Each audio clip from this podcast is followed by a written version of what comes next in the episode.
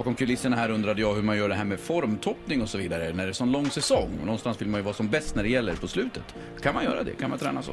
Ja, vi gör ju så. Vi, vi tränar ju väldigt hårt så fort vi bara spelar mindre än tre matcher i veckan så lägger vi in eh, intensivveckor. Så att eh, det är ganska kul att se hur killarna blir van vid det också. Men de tycker det är roligt. Men hur många träningar har ni i veckan? Eh, vi tränar en vanlig träningsdag som idag så tränar vi först ett fyspass på 45 minuter och sen ett ispass på 1.15 ungefär. Sen är lunch och sen jobbar vi med individuell träning och eh, då är det allt från killar som är ute och springer till killar som är i gymmet till eh, några som är på isen med våran eh, skridskocoach då till exempel. Att- Skridskocoach, det hade ju varit något för oss eh, Sandholt. Mm.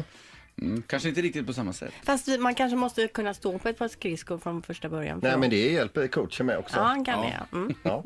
Du, det är ju mycket psykologi där med att ligga, ligga etta. Det kan, kan väl säkerligen finnas lite fallgropar också att ligga etta. Att man känner sig lite säker. Ja, vi har haft lite eh, tuffare att tända till mot lag på, på nedre delen av eh, tabellen ska jag ärligt eh, erkänna. Och det är tråkigt men det som är bra det är att vi alltid har varit bra i de viktiga matcherna i år mot, eh, mot lag på den övre halvan och när det riktigt gäller så, så har laget verkligen tänt till. Till exempel Karlskrona då som ligger ohjälpligt i botten här. Det är ju, eh, eh, man blir inte ens skadeglad utan eh, man tycker nästan lite synd om dem. Nu låter du som min fru. Det hör inte hemma den typen av Men, men du tror att de, de, de har sedan ganska länge siktat på kvalserien va?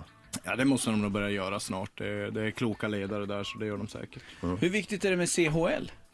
Det är viktigt. Det är, det är en chans för oss att vinna någonting och eh, vi var så nära i fjol och förlorade tredje perioden där, ledde med 2-0 inför tredje och förlorade oturligt nog eh, tredje perioden och tappade bucklan. Så för oss är det väldigt viktigt. Mm. Och nu till helgen då, då möter ni Rögle i dubbelmöte både lördag och söndag. Mm. Söndag hemma då, lördag borta.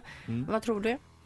Intensiva matcher. Rögle har eh, ändrat lite på sitt spel här i mitten av säsongen och börjar spela väldigt intensivt. Det ser ut som att de kopierar vårat spel. Vi spelar i hög fart och hög energi och ja, det kommer bli häftiga matcher. Men det kanske blir ett eh, lättare möte i Skandinavien mot Rögle om ni har Klotton dagen innan rent psykologiskt.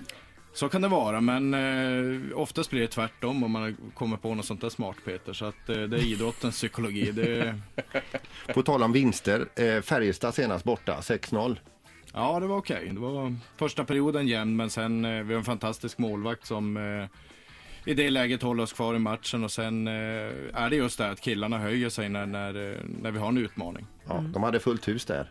Ja, det var kul att vara lite party crashers.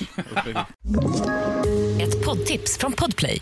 I podden Något Kaiko garanterar östgötarna Brutti och jag, Davva, dig en stor dos skratt. Där följer jag pladask för köttätandet igen. Man är lite som en jävla vampyr. Man har fått lite blodsmak och då måste man ha mer. Udda spaningar, fängslande anekdoter och en och annan arg rant. Jag måste ha mitt kaffe på morgonen för annars är jag ingen trevlig människa. Då är du ingen trevlig människa, punkt. Något Kaiko, hör du på Podplay. Därför arkadeinerna.